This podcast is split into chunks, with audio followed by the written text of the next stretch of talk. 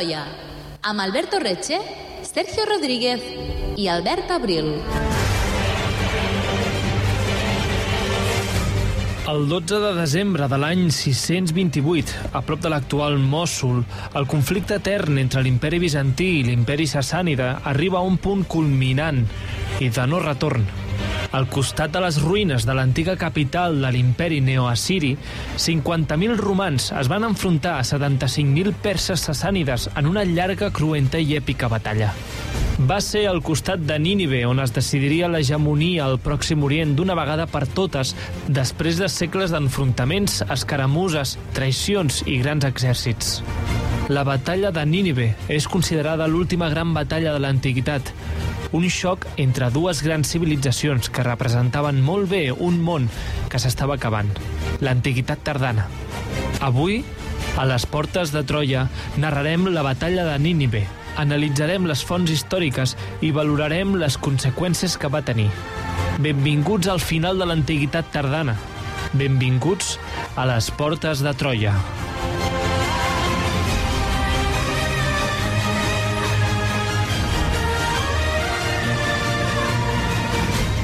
Benvingudes, benvinguts una setmana més a les Portes de Troia, el programa de ràdio d'història de la xarxa de comunicació local des dels estudis de Ràdio Castellar.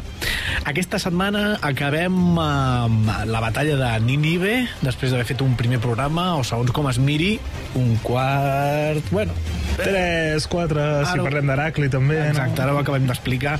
Avui ho fem amb el nostre historiador de capçalera, Albert Abril, benvingut. Com anem, Sergio? Um, ara ho expliquem això que estàvem dient, però quantes batalles de Nínive hi ha hagut al llarg de la història? Uh, si no em fallen els càlculs, hi ha hagut un parell de batalles de Nínive, uh, sobretot perquè si els oients busquen referències o busquen imatges o documentals o el que sigui, no es confonguin. Uh, la que estem tractant uh, en aquest parell de programes eh, va ser entre romans i, i perses sassànides, recordem sempre, eh, romans uh, bizantins, uh, que va tenir lloc l'any 627.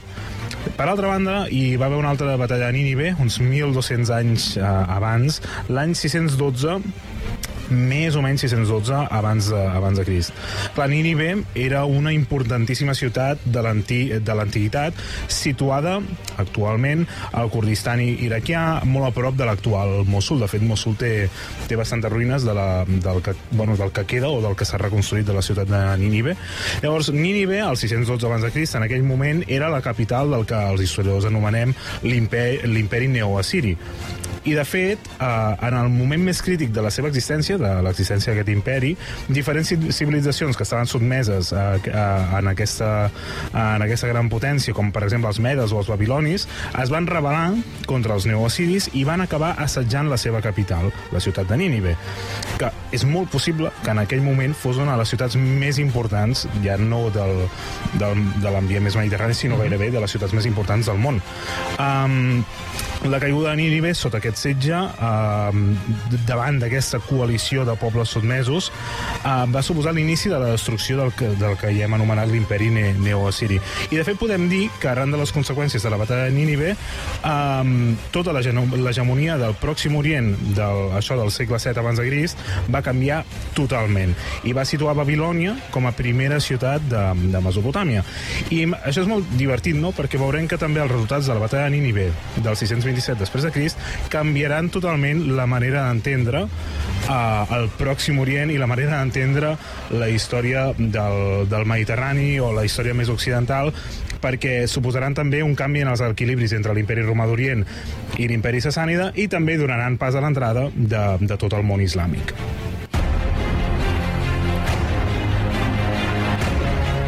Segueix-nos a facebook.com barra Portes de Troia o a Twitter arroba Portes de Troia. Descarrega't el podcast des d'iBooks o iTunes.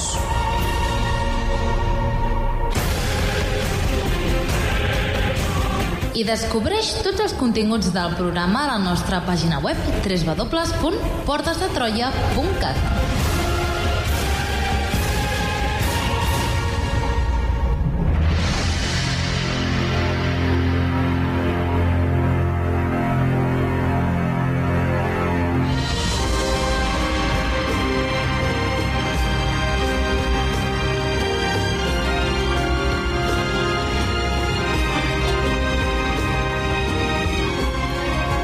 Molt bé, doncs, a les portes de Troia escoltant, com sempre, jo penso que Sid Meier ens hauria de pagar alguns calarons per fer servir la banda sonora del Civilization eh, sempre aquí, amb els programes d'història antiga, oi que sí? Sí, i de fet, clar, com que tenen moltíssimes civilitzacions, tu sempre busques música, civil- Civilization, Imperi, No Neo, falla. Assiri. I no falla. I sempre surten coses de Sorbanipal, per exemple, no? personatge Mm, de l'antiga. Babilònia, etc. Vull dir, molt, molt interessant.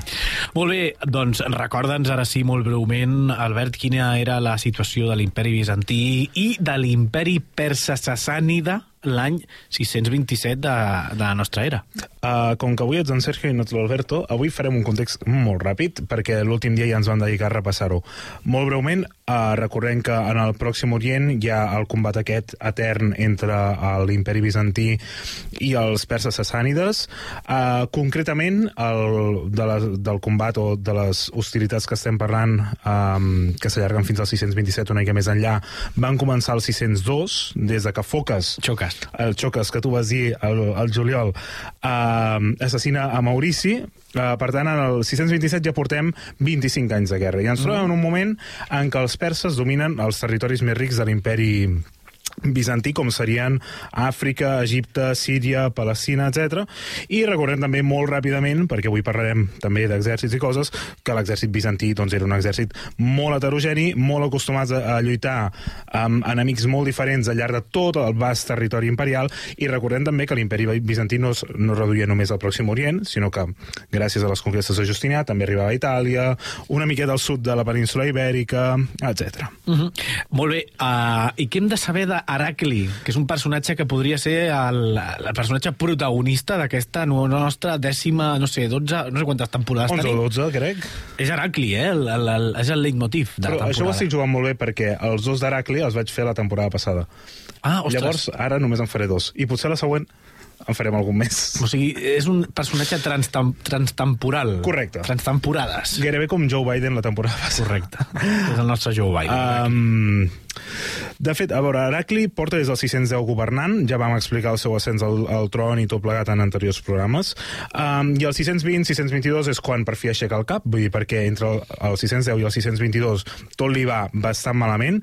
Recordem, no?, la referència aquella que feia Gibon, quan deia que uh, la vida d'Heracli és quan hi ha la boira al matí, la claror del migdia i al vespre torna a venir la boira. Mm. Doncs ara ens trobem en la claror, no?, quan, la, uh, quan el sol supera aquesta densa boira de la seva vida.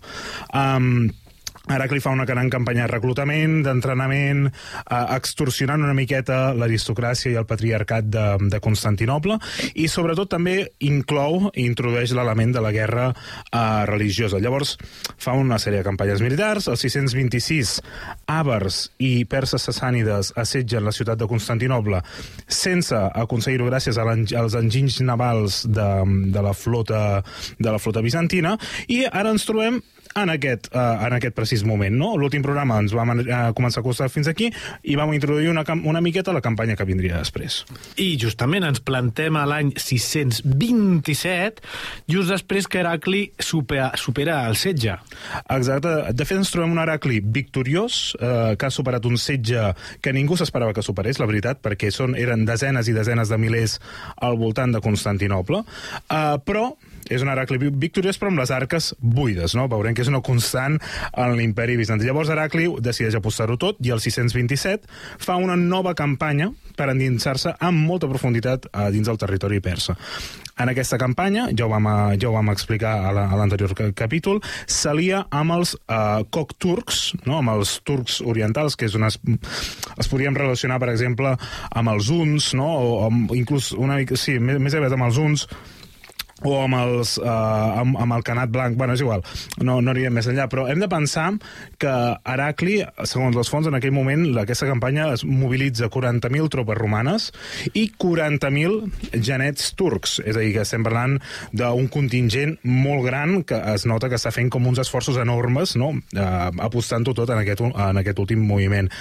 Primer de tot, Heracli intenta prendre la capital de Geòrgia, Tbilisi, però després d'uns mesos de setge, inclús desvia un riu, fa que les forces del riu xoquin contra la muralla, la muralla no s'esfondra, i al final assisteix a aquest setge.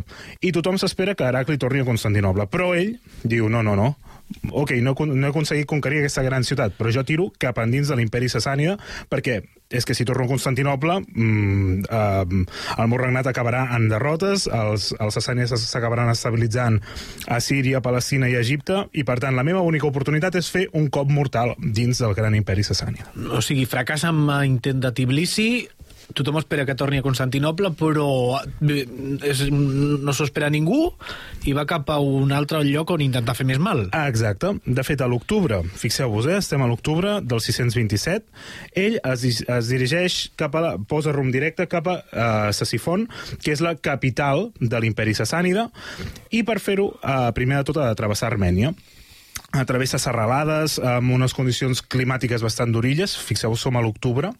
Uh, serà octubre, novembre i començaments de desembre que farà tota aquesta ruta. Uh, i, I clar, en aquell moment Cosroes II, que es veu totalment amenaçat per aquest gran exèrcit que està acampant bastant lliure per dins del seu imperi, fa una crida a tots els seus generals perquè aturin Heracli. Uh, sobretot, els generals que tenien més tropes eren els que estaven acantonats o assentats en aquestes províncies uh, que havien ocupat en l'imperi romà.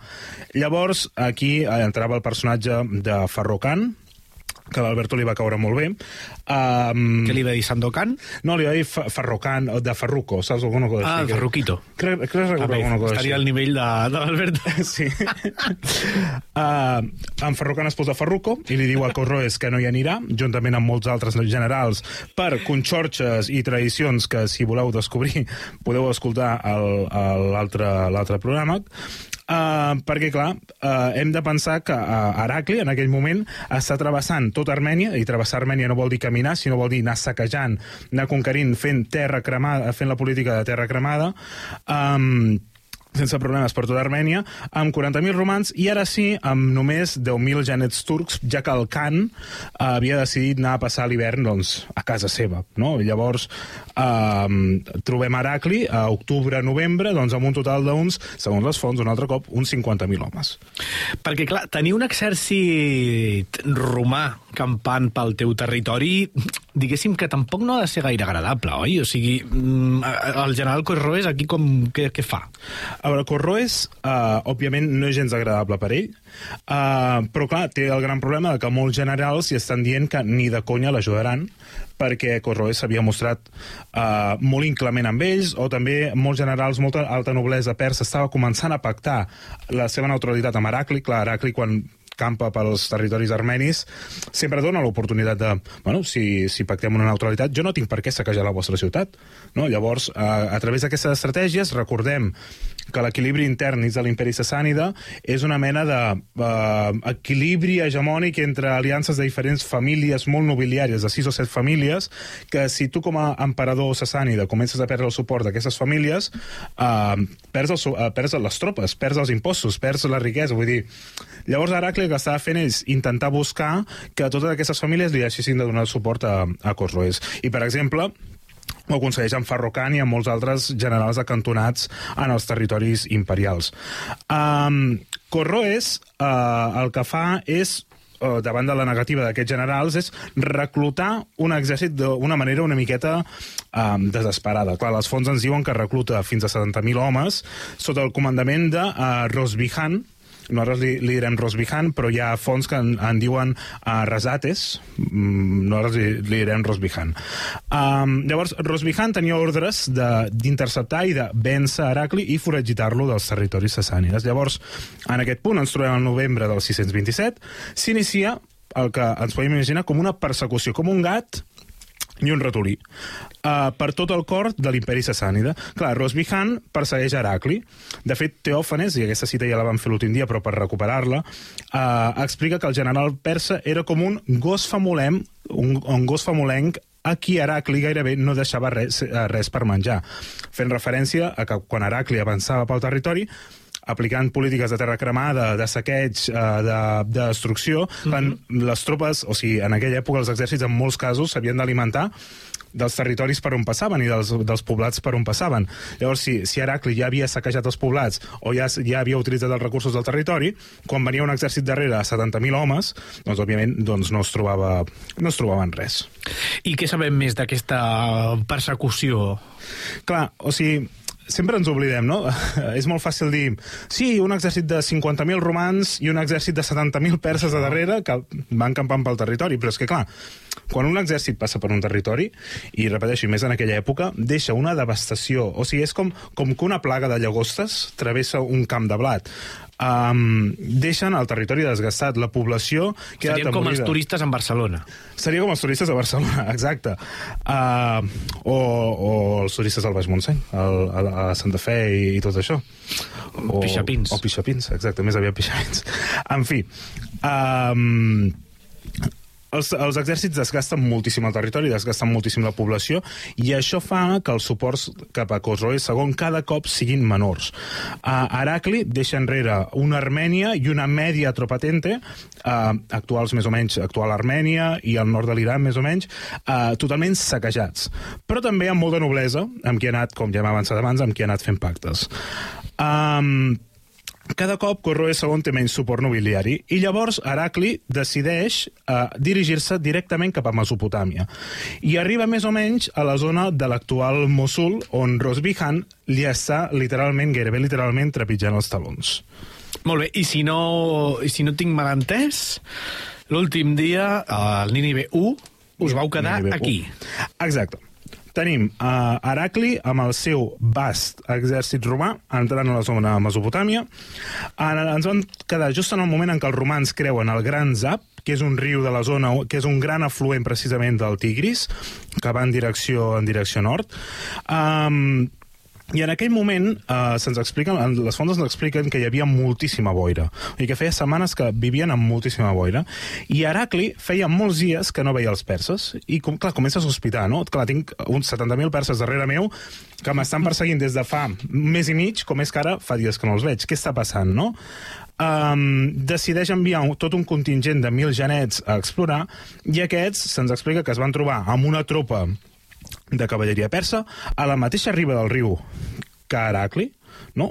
que això també ja fa sospitar, els romans van vèncer la tropa dels perses i van fer 27 presoners, 27, 30 i pico, depèn, de, uh -huh. depèn del document que consultem, després parlarem una miqueta de les fonts, um, i aquests supervivents van acabar revelant que la tropa persa també havia creuat el riu sense que els romans se n'adonessin.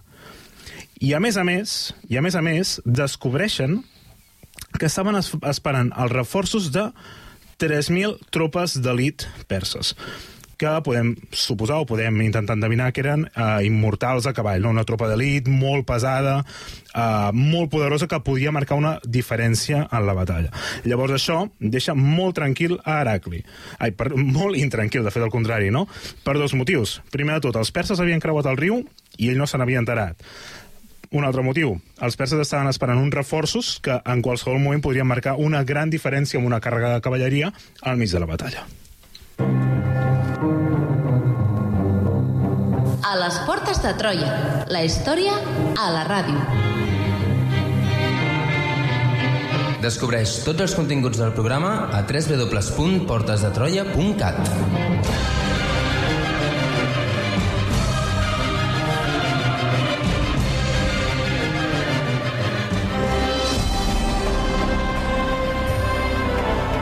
I 73 minuts després Has fet una molt bona suma. arriba l'esperada batalla de Nínive que dona títol als programes de Nínive. Exacte, uh, l'última gran batalla de l'antiguitat, sí, sí. Però abans farem una altra cosa. Molt bé, abans eh, contemplem durant uns instants quines són les fonts primàries que han utilitzat els historiadors per acostar-se a aquests esdeveniments, Albert. A veure, és, és, un, és un moment bastant difícil i és una zona bastant difícil. Uh, hi ha pocs textos íntegres que no hagin estat mutilats per la censura o pel pas del temps, inclús sobre el segle VII al Pròxim Orient, i això és, és, és un fet. Uh, I a més a més, la majoria ofereixen visions molt religioses o extremadament èpiques dels esdeveniments, i llavors destriar una miqueta què agafar i què no agafar, doncs ens, ens és bastant uh, complicat, però ja forma part de la nostra tasca i en molts casos, si tenim temps d'anar-ho comprovant, també és molt divertit, no?, comparar les versions, etc. Jo he fet un top 3 d'aquestes fonts i llavors n'he posat unes quantes altres, vale? per si algú li interessa endinsar-s'hi una miqueta més. Val.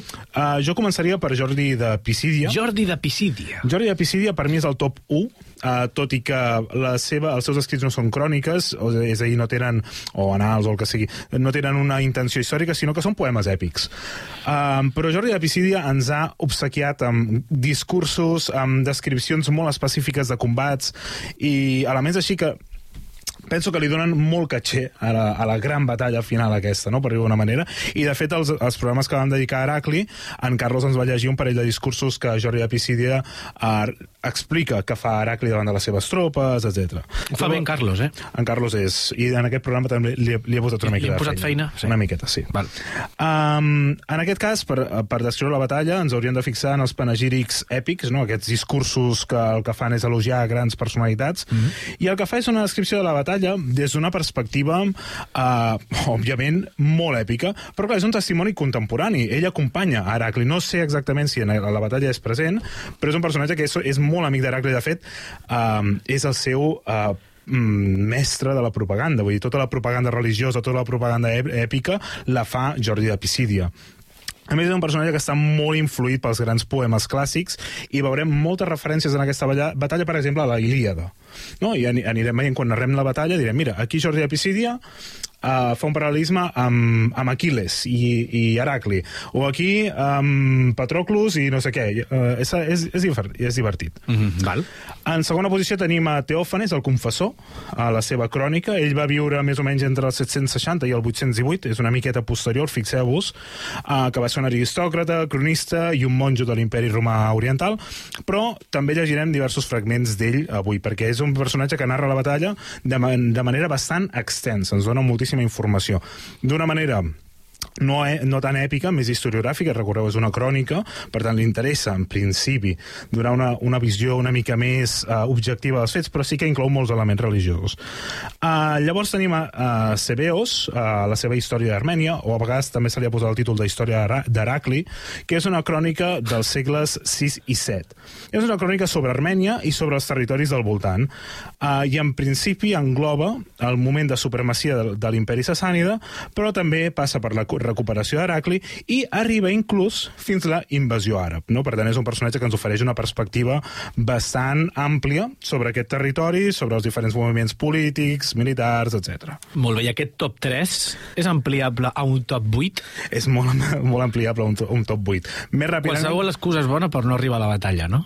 Qualsevol excusa... És, és que t'imagines que no arribem? Seria... No, no. no, no, no, no. La, la gent comença a tenir dubtes, eh? La gent comença a tenir... No, no, jo us prometo que després d'aquest top ja, ja està. Venim a, la, venim a la batalla i ja està. Um, jo he situat, he fet un, un altre top 5 darrere d'aquest top 3, no? sobretot per si algú té ganes d'endinsar-s'hi. Uh, de documents que són una miqueta uh, més escuets, no? amb descripcions molt més curtes, o inclús uh, m'he permès la llibertat d'anomenar-los avorrits perquè Oh. a mi m'han semblat més avorrits, però no passa res.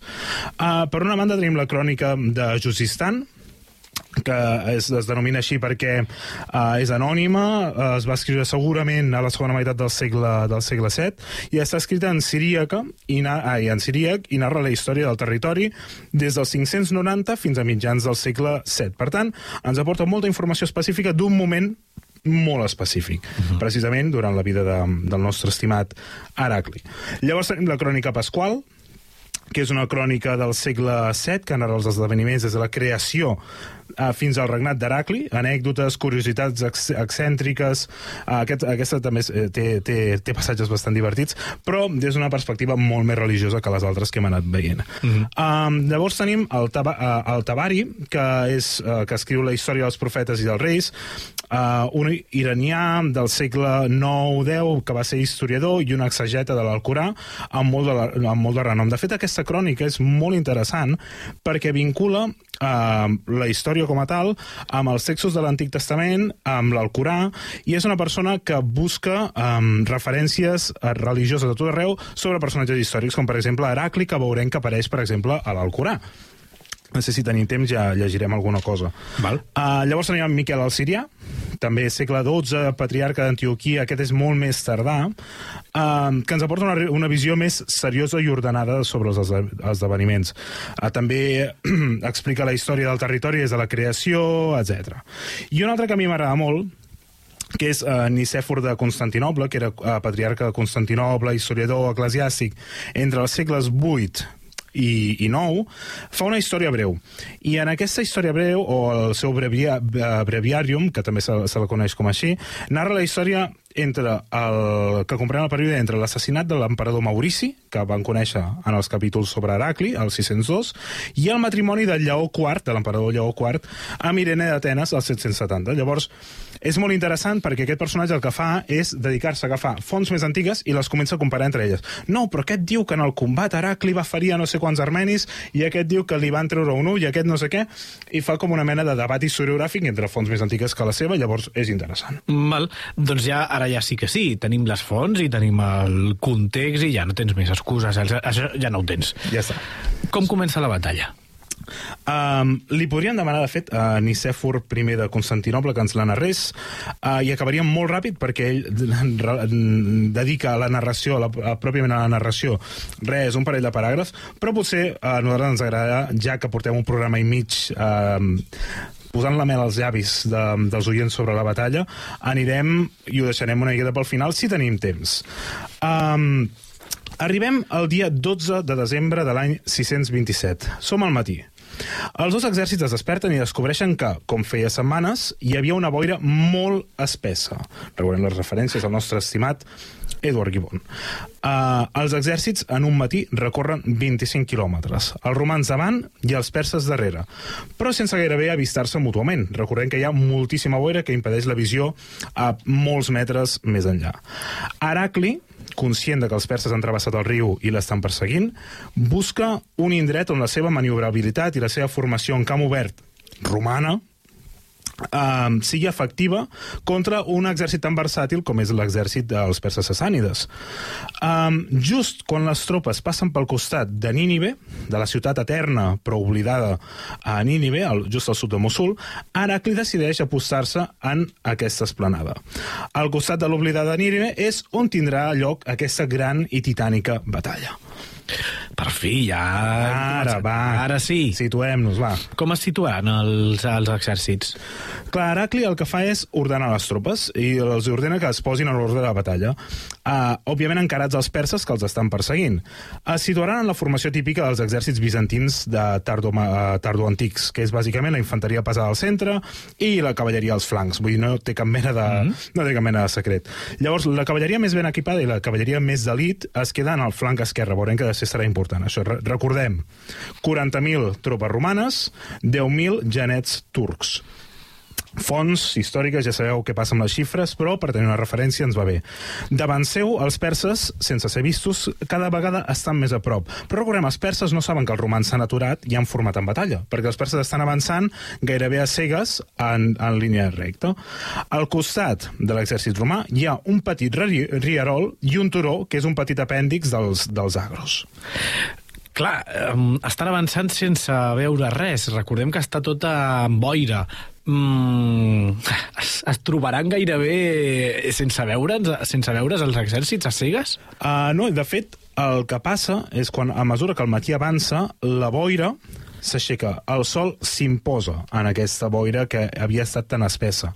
I els perses deixen d'avançar cegues i de cop es troben just davant d'un exèrcit romà en la seva esplendor tardoantiga preparadíssim per rebre'ls i en posició per defensar-se, atacar-los, ben posadets, no? Mentre tots els perses estan, res, estan en línia, estan en formació de marxa, eh, no estan preparats per rebre un embar, per rebre un, un, un combat. I, de fet, Teòfanes ens explica aquests moments previs de la, de la batalla eh, d'aquesta manera que ens narrarà ara en Carlos. Aquest home va anunciar a l'emperador que Rasates tenia la intenció de lluitar sota les ordres de Cosroes, que li havia enviat 3.000 homes armats, però aquests encara no havien arribat. Quan l'emperador va ser informat d'això, va enviar davant seu l'equipament per fer el campament, i ell mateix el va seguir, buscant un lloc on lluitar abans que els 3.000 assumessin a l'enemic. I quan va trobar una plana adequada per la batalla, es va dirigir a les seves tropes i les va disposar en ordre de batalla. En arribar-hi, Rasates també va formar el seu exèrcit en tres formacions densament concentrades i es va avançar cap a l'emperador. Veiem aquí, no com um, uh, Teòfanes ens explica aquests moments previs de la batalla. Aquest home va anunciar a l'emperador que, fent referència a un de, dels genets que, que van capturar els exploradors romans, i ens explica també que els perses formen amb tres grans blocs. No? Uh, I anirem veient com això altres, altres historiadors no ens ho diuen d'una manera tan concreta, però si més no, ens fa, ens fa veure que, bueno, que la descripció és molt concreta de la batalla. Molt bé, i aquí comencen les accions i les reaccions dels dos exèrcits. Com es desenvoluparan aquests primers moviments de l'enfrontament, Albert? Clar, quan els perses s'adonen que els romans estan ben posats, estan en formació, estan preparadíssims per rebre'ls, uh, clar, ells no estan prou organitzats, ells estan marxant, estan en columna gairebé. I intenten, el que, fa una, o sigui, el que fan és fer una reacció rapidíssima, intenten reestructurar-se i uh, buscar una formació molt més defensiva que la pròpia marxa. De fet, es fixen en aquest turó que hem comentat abans, que hi havia al costat del camp de batalla, que era un petit espoló de la cadena dels agros, i es dirigeixen cap allà per dos motius. Primer motiu, Um, si tu estàs en un camp de batalla o si estàs lluitant um, en un èpic duel final entre l'Anakin Skywalker i l'Obi-Wan Kenobi el, el terreny elevat sempre va molt millor Um, en el cas dels perses, uh, perquè sempre, segons la seva tradició militar, situar-se en un terreny elevat els permet uh, fer ús d'una de les seves majors uh, forces, que són els arcs. Si tu estàs en un terreny elevat i vas disparant fletxes a l'enemic que s'acosta, millor estar això en una posició molt més elevada. Mm -hmm. um, I per altra banda, um, amb el moviment aquest, els perses el que estaven aconseguint era, a part de posar-se en una posició elevada en la que es podien atrinxerar i tota la pesca, eh, estaven situant un petit riu, que era un, un riu estacional, que actualment es diu el, el Cara Cara Mi, Milais, Cara Milais, eh, situaven aquest petit riarol entre els dos exèrcits, cosa que per poca cosa que fos, ja podia suposar un petit avantatge pels perses. Uh -huh. Llavors, en qüestió, ens hem d'imaginar uns moviments rapidíssims que en qüestió de minuts una avançada persa es situa i es comença a trinxerar a dalt del turonet, esperant l'embestida dels romans. Per tant, ens imaginem unes primeres tropes perses que van arribant al turonet, tota la resta de l'exèrcit s'hi està dirigint, i els romans que s'ho estan mirant com dient merda, s'estan posant en una situació molt estratègica, haurem de fer alguna cosa. I quina serà la reacció del nostre heroi intratemporal Heracli davant d'aquesta sí. estratagema? Quin títol s'ha guanyat, eh, ja? Sí. És fantàstic, molt bé, molt bé. Uh, mentre els perses uh, responen tan ràpid com poden a la, a la perfecta formació romana, Clar, l'emperador bizantí, bizantí uh, ha de reaccionar, com bé dèiem, uh, està veient com els seus enemics s'estan apoderant de, del camp, vull dir, estan agafant les millors posicions davant de la batalla. Um, ell no vol que els perses s'arribin a trinxerar allà i els comencin a bombardejar fletxes durant minuts i minuts i minuts. Llavors, ha de fer alguna cosa. Heracli pren una decisió puja al cavall i es dirigeix cap al turó amb la seva guàrdia imperial i amb la seva millor cavalleria, recordem, la que tenia a l'ala esquerra de l'exèrcit. Amb aquest moviment, a part de ser molt, molt temerari, no? aquest moviment que prens, una decisió que la prens en, en qüestió de segons, no? perquè has d'impedir que els perses se sentin en aquest turonet, uh, Heracli es separa moltíssim de la seva formació principal i marxa acompanyat d'uns 5.000, 7.000 genets. El millor, eh? El millor del seu exèrcit. Vull dir, allà hi havia els orífors, els cubítors, els candidats i els protectors, els optimates, totes aquestes formacions i totes aquestes diverses unitats de l'exèrcit bizantí l'estaven acompanyant. Eren l'elit de l'elit de l'elit. Mm -hmm. Llavors, eh, se'ns explica les fonts, depèn de quina font consultem un altre cop, se'ns explica que Heracli estava al vell mig de la formació que s'avançava cap a l'exèrcit persa que s'estava situant en el tornet, o inclús a primera línia. Uh, la tropa de cavalleria romana es llença contra l'exèrcit persa que encara estava adoptant la formació defensiva. Però fixeu-vos, és bona idea tenir el monarca a primera fila d'una càrrega de cavalleria? Home, no sé, eh? De fet, hi ha un exemple, uh, hi ha molts, molts exemples historiogràfics de monarques o grans líders carregant a primera, a primera fila, però n'hi ha un de molt nostrat, que és a la batalla de Moret, mm. el, nostre, el nostre estimat. el nostre estimat Pere el Catòlic, va a primera línia a una, una de les primeres càrregues de cavalleria on tenien una clara superioritat numèrica, i va i el destrossen a la, a la primera canvi. Mm. No? I les grans conseqüències que van tenir això. Uh, un moviment tem temerari. potser també un moviment èpic, que ens afegeixen aquí els, els cronistes de, de l'època, però bueno, si més no, ens indica que Heracli era un tio amb iniciativa i que, bueno, que lluitava amb els seus, amb els seus guerrers, potser no a primera fila, no? però que sí que va, va poder tenir una reacció prou ràpida. Um, per molt ràpid que hagi reaccionat Heracli, les primeres files perses han aconseguit atrinxerar-se al turó. I, per tant, l'emperador es veu obligat a fer una cosa molt més perillosa, que és fer una càrrega de cavalleria muntanya amunt, amb unes tropes perses atrinxerades i esperant-lo.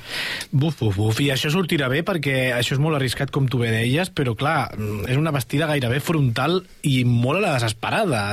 Com acaba això? Uh, sorprenentment, acaba molt bé per Heracli. Acaba molt bé per Heracli. Pels perses que estaven davant, no gaire. Al cap d'uns segons ens, ens hem d'imaginar un xoc frontal devastador entre l'elit de la cavalleria pesada d'Heracli i una tropa heterogènia persa que encara s'estava acabant de situar, etc eh, que estava del turó. Però clar, ens hem d'imaginar un xoc brutal. Uh, clar, uh, com us podeu imaginar, el primer efecte sobre l'exèrcit sassànida va ser gairebé fulminant. Uh, els autors, però, ens escriuen que entremig de la càrrega de cavalleria i dels combats més particulars que tenen lloc llavors, hi ha una escena molt divertida, i aquí ens, ens hi aturarem un moment per descriure-la, i és que el general persa, el nostre Rosbihan, busca a Heracli en persona, per donar-li mort. Um, ho fa com a opció per evitar una gran catàstrofe, perquè està veient que els romans s'estan imposant just en el començament i diu, hòstia, si mato el general romà, si mato l'emperador romà, tenim probabilitats de matar la victòria. O, o també ho fa, mm. o els escriptors ens diuen que ho fa, perquè què és una gran batalla si no hi ha... si no hi ha un gran combat entre els dos generals d'aquesta batalla, no? Un Aquiles, un Héctor lluitant entre ells, o un Jon Snow contra un no sé què, o un Aragorn contra un no sé qui, no? Que és una gran batalla si els dos, els dos generals no s'enfronten. Um, Sabem, el que sí que sabem, és que mentre Heracli avançava amb això 5.000, 7.000 genets d'elit, eh, el, el general persa estava, estava rodejat més o menys d'un centenar d'arquers a peu i acompanyat d'un gunt de 10.000 genets perses. Més o menys, repeteixo.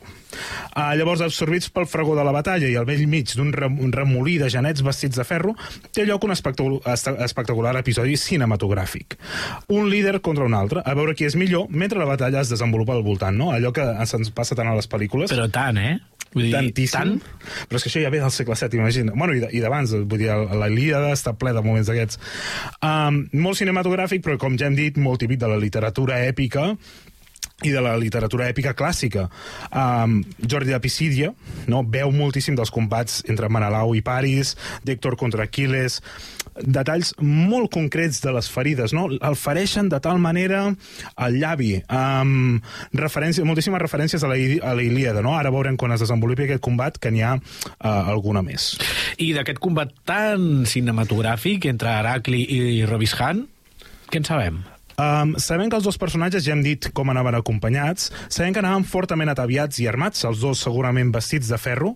Uh, recordem que estem en un moment en què la cavalleria um, l'exèrcit romà s'ha hagut d'adaptar i passar una cavalleria lleugera a una cavalleria pesada per enfrontar-se als catarafractes de orientals, uh, antigament contra els parts, ara contra l'exèrcit sassànida. Um, mentre Rosbihan utilitzava un arc, un arc compost, eh, el terrible arc compost eh, oriental, Heracli ostentava una poderosa llança. Heracli, òbviament, busca acostar-se al general persa, ja que la distància era un desavantatge per ell. Si l'enemic té un arc, tu t'has d'acostar. Mm -hmm. uh, les fonts ens ho descriuen com, com si Heracli fos una pedra magnètica que es va acostant sense que res l'aturi contra Rosbihan. Rosbihan, mentre Heracli s'acosta, té temps de disparar-li dues fletxes una fletxa li fareix al llavi. I una, sí, concret, eh? Al llavi, és així... I una altra que li toca de ple al taló. Oh. Ojo, no? Mm. Heracli sent més poderós que el propi Aquiles, Clar. que el venç una fletxa al taló. Uh, òbviament, recordem, estem fent un programa, ens estem deixant portar una miqueta per l'èpica del combat, no? però si més no, és interessant veure aquestes, aquestes referències. Després d'aquestes dues fletxes, mentre carregava la tercera fletxa, Rosbihan és ferit anònimament a l'espatlla i això li impedeix continuar disparant. És a dir, no és ni Heracli qui li impedeix continuar disparant, sinó que és un tio que voltava per allà, que li fareix l'espatlla i, per tant, Rosbihan ja no pot continuar disparant. Que això també és curiós, no? perquè ja no és l'heroi que s'ho fa tot ell, sinó que és el fragor de la batalla, no és algú, una gràcia divina que intervé i aconsegueix això, no? per exemple.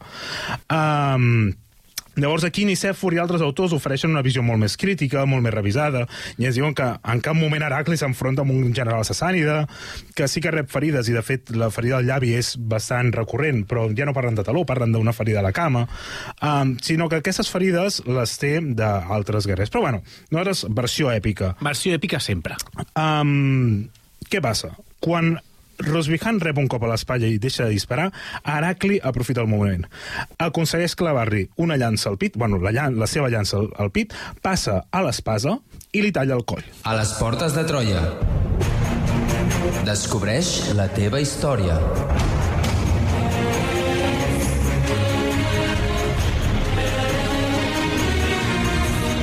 Troba'ns a facebook.com barra Portes de Troia i a Twitter arroba Portes de Troia.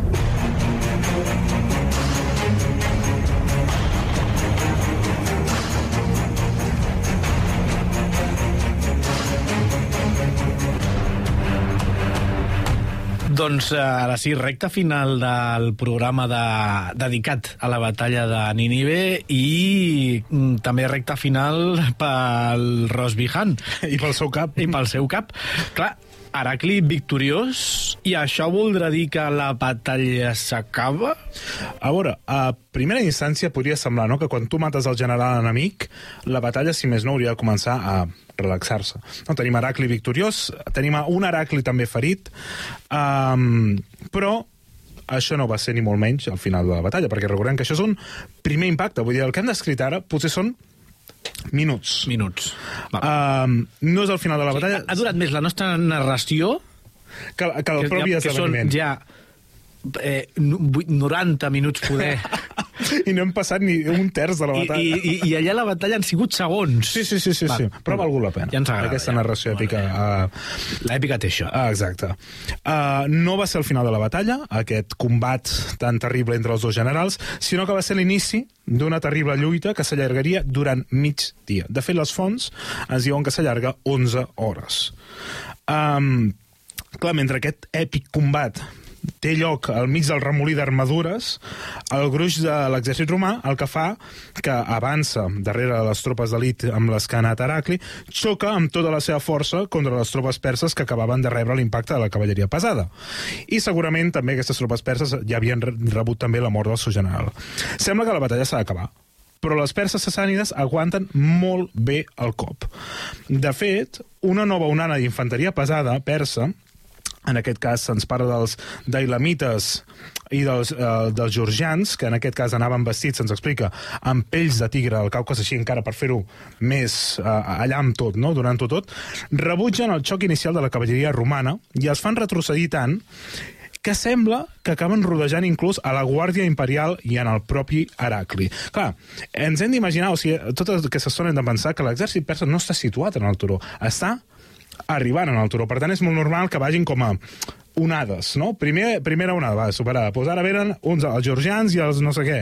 I aquests, doncs, aconsegueixen rodejar el propi emperador. Clar, doncs uh, s'ha girat una mica la truita. Ara sembla que Heracli ho té una mica fumut. Clar, se li acaba de complicar el dia. Vull dir, acaba de matar el general, però de cop es veu rodejat. Um, Se'ns explica que Heracli aconsegueix matar a tres armenis i que el seu cavall és ferit dos cops. Després de deslliurar-se d'aquesta captivitat momentània, els romans van empenyent els perses turó amunt, no? Ens hem d'imaginar, clar, els, els perses són els que estan al turó, els romans estan atacant el turó. Van empenyent els perses turó amunt, però la línia sassànida no es trenca en cap moment.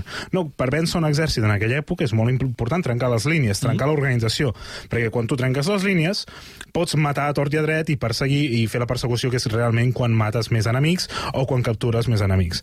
Llavors, aquesta situació de manteniment de línies, però que els romans cada cop anaven guanyant més posicions en direcció al punt més alt del turó, dura, si, si més no, segons diverses fonts, 11 hores. No? Vull dir, és un combat llarg. Uh, Se'ns explica, i això és molt, anava a dir bonic, però és, és molt curiós, que només la sanguinària nit va ser capaç de separar les tropes. Com per art de màgia, els dos exèrcits es van anar separant, interposant el petit rierol entre ells, aquest rierol que hem dit que hi havia, a una distància de, concretament, dos tirs de fletxa. per què aquesta distància? Doncs perquè si fos un, un tir de fletxa, els perses en qualsevol moment podien començar a disparar. No, no, dos tirs de fletxa. Cap d'ells va fugir, sinó que es van estar observant a curta distància amb un camp de desenes de milers de morts entremig. Això és un moment una mica curiós, si més no, oi, Albert? Uh, sí, de fet, els, és un moment de calma, no? Després de la gran tempesta hi ha un moment de calma i de tranquil·litat. Llavors els soldats dels dos bàndols aprofiten per fer què? Doncs saquejar cadàvers, mm. vetllar els morts, cuidar ferits... I els dos ex exèrcits passen la nit amb una estranya tranquil·litat tensa. Llavors, amb les primeres llums del dia, se'ns explica que els perses es van retirar al camp de manera ordenada. Les fonts expliquen que um, quan Heracli observa el camp de batalla i veu com el marxar els sassànides deixen enrere segons les fonts, 50.000 morts, 50.000 perses sassànides morts, entre ells els grans generals que ell mateix havia vençut, eh, sobretot en el cas d'en Rosbihan, ell va saber que Pèrsia estava vençuda.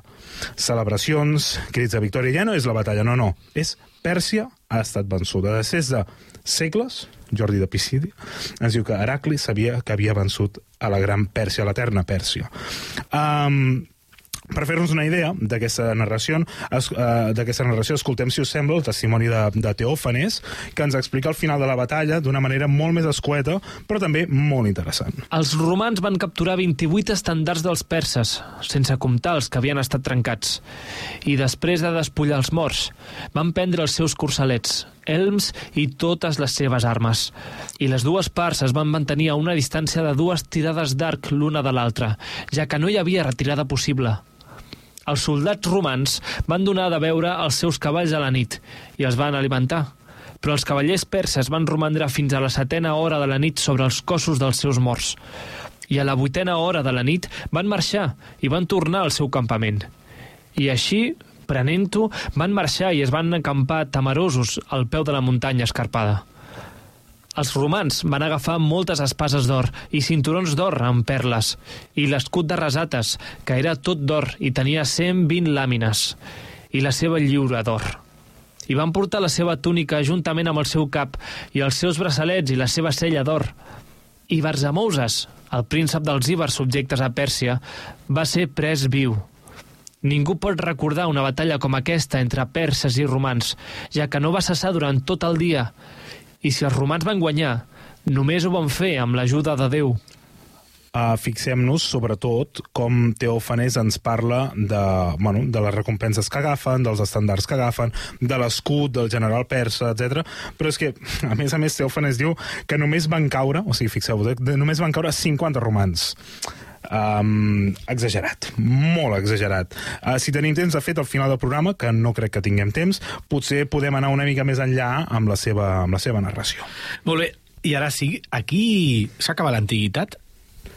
Um, sí, i no. S'acaba o sigui, podríem dir que és el final de l'última gran batalla de l'antiguitat, no? En aquest cas, um, aquesta batalla, com a tal, no acaba res, perquè Um, és una gran batalla, hi ha hagut un resultat molt clar. Aquest resultat veurem que es capitalitzarà al cap d'uns uh, uns dies, ara farem l'explicació de, de tot plegat, però és l'última gran batalla que tindrà lloc entre l'imperi persa-sassànida i l'imperi romà, que eren les dues grans potències que es portaven disputant al Pròxim Orient des de feia segles. I ja no se la disputaran més, per diversos motius. Primer, perquè cap de les dues potències serà capaç de mobilitzar tantíssimes tropes de cop un altre cop i per altra banda, perquè el sorgiment de l'islam està passant just en aquell moment. Finestra d'oportunitat. Una finestra d'oportunitat, exacta. I quan l'islam, des d'unes tribus beduïnes de l'Aràbia, es comença a mobilitzar cap a Palestina, cap a Egipte, cap a Àfrica, cap a Síria, cap a, cap a Pèrsia, doncs ni l'imperi romà d'Orient ni l'imperi sassànida seran capaços de fer front a aquesta onada de nova manera de fer la guerra, de nova manera d'entendre la religió, de nova manera d'entendre la societat, i aquí també sorgeix una cosa tan bonica i tan interessant de com la civilització islàmica comença a veure influències de l'imperi bizantí i de l'imperi persa sassànida. Vull dir, totes les decoracions sí. de l'Alhambra, tota l'administració, tot això ho veuen de l'imperi persa sassànida i en part també de l'imperi bizantí, no? I com l'islam va creixent d'aquesta manera tan eclèctica no? que, que va bevent de les, de les dues fonts. Però això ho deixem per més endavant. De fet, a la propera temporada, segurament, m'agradaria molt dedicar un programa, un programa o dos a la propera temporada, així no cansem amb Heracli, a, a, a la relació d'Heracli amb, amb Islam, amb l'Islam. Molt bé, doncs quan ens queden, després de tot això, quatre minutets per repassar protagonistes, per treure conclusions, tornem al camp de batalla, desenes de milers de perses morts, una victòria costosa i aplastant, i Heracli, tens és el teu moment. És el teu moment. Heracli avança cap al Palau de Khosroes II, uh, sense massa oposició, que està a l'actual Bagdad, més, estava a l'actual Bagdad, més o menys, uh, però Khosroes fuig del Palau i deixa enrere grandíssimes sumes de tresors, que aquests tresors seran recuperats, òbviament, per l'exèrcit bizantí. Fuig cap a uh, Sasifon, a la, uh, una mica més al sud de, de, de Bagdad, i el dia 10 de gener al 628, Corroe II fa una última jugada desesperada i ataca a l'esgotat però victoriós exèrcit d'Heracli amb una barrera de 200 elefants. Elefants de guerra. Un altre cop, a l'any 628. Um, això passa només a 18 quilòmetres de la capital persa. No sabem ben bé el resultat de la, de la batalla. Uh, sabem que... Uh, el que sí que sabem és que Heracli torna cap a Constantinoble amb un gran tresor, or, joies i sobretot relíquies. Recordem que Heracli eh, és un personatge importantíssim amb el, per al tema de les relíquies i eh, així seria el final de, bueno, de, ser, de, de ser aquest enfrontament. Els sassànides ja no tindran més recursos, no tindran massa, no podran fer més esforç de guerra per reunir uns grans exèrcits per fer front a les tropes romanes. Per tant, Heracli se'n torna cap a casa. I què passa amb el nostre estimat Corrois? Segon. Que le corroe segon, que le corroe. Fa exactament la mateixa broma que l'Alberto. No, és que M'encanteu. He escoltat el programa. Oh! He fet els deures. Molt bé. Corroes, me corroe i s'accepta que, que, aquesta, aquest gag. Està bé, està bé. Uh, 28 de febrer de 628, Corroes és deposat pel seu propi fill i és assassinat salvatjament per l'alta noblesa sassànida. Cobat II, nou emperador sassani, fill de Corroes II, firma la pau amb Heracli i retorna als bizantins tots els territoris que havien estat ocupats pel seu pare. Palestina, Egipte, Àfrica, Síria, etc. Per fi, la guerra entre bizantins i sassànides s'havia acabat. Aquesta guerra que, havia trig... que ara havia tingut un episodi de 25 anys, però que es portava donant des de feia segles. No? El diluvi de foc i de sang, per fi, s'havia acabat. I, bueno, i aquesta gran conseqüència la podem vincular, eh, com hem explicat a la introducció, a aquest últim, a aquesta última batalla no, que, que té lloc entre... Eh, entre els neobabiloni, eh, neoassiris, etc. No? perquè canvia totalment eh, bueno, la, la geopolítica del mm. Pròxim Orient. De fet, l'any 630 és l'any de glòria per Heracli. L'emperador retorna a Jer no retorna a Constantinople, retorna a Jerusalem i porta la vera creu els fragments de la Vera creu que els perses havien robat l'any 614, fent així un símbol de restauració imperial, no? Legitimitat religiosa, fronteres estables, glòria per Heracli. Glòria per Heracli. Després de quatre programes, això és tot? Heracli triomfa i ja està?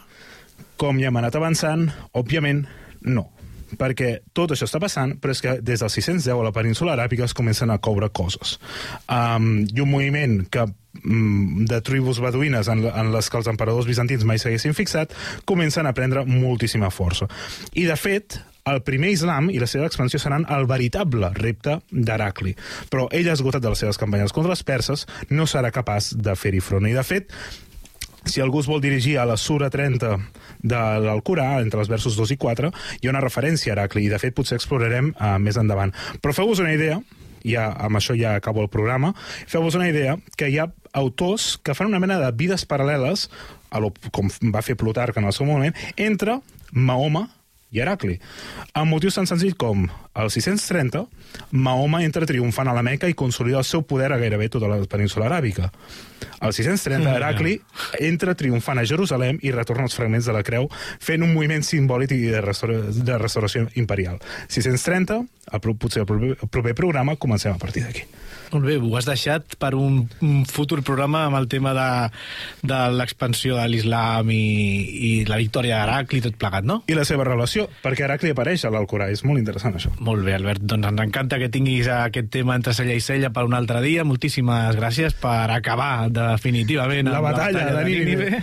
A tu, Sergio, merci. El Carlos Lecegui, a les narracions i al control tècnic, moltes gràcies i nosaltres us esperem al pròxim programa de les Portes de Troia.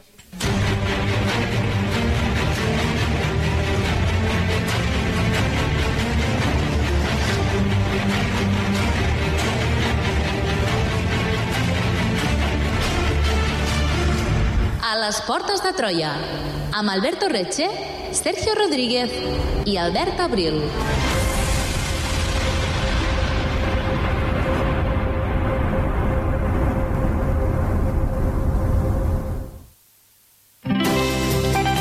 Escolta Ràdio Seu on i quan vulguis.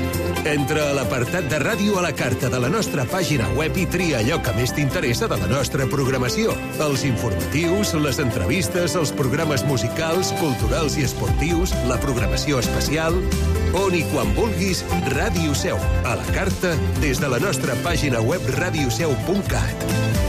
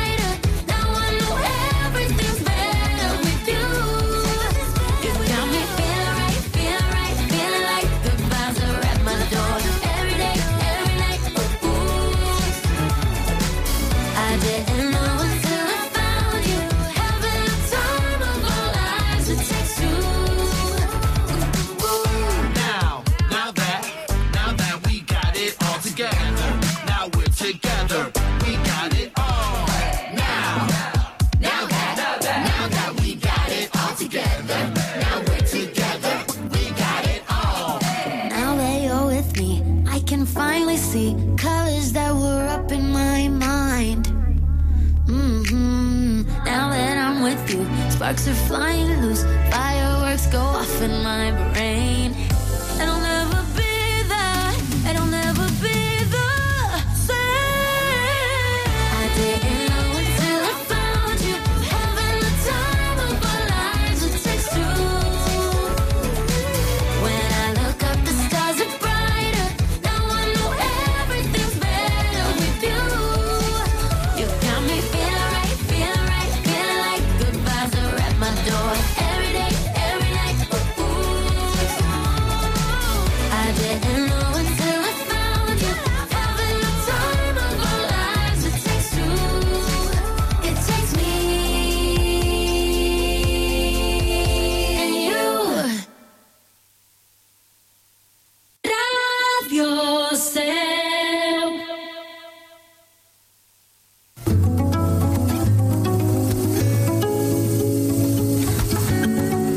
Fins aquí la programació pròpia de Ràdio Seu. Connectem amb Catalunya Ràdio.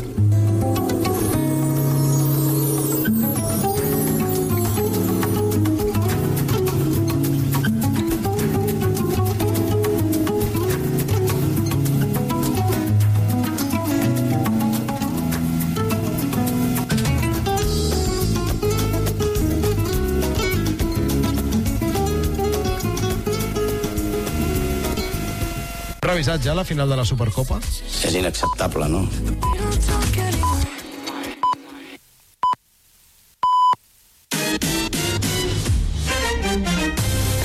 Catalunya Ràdio.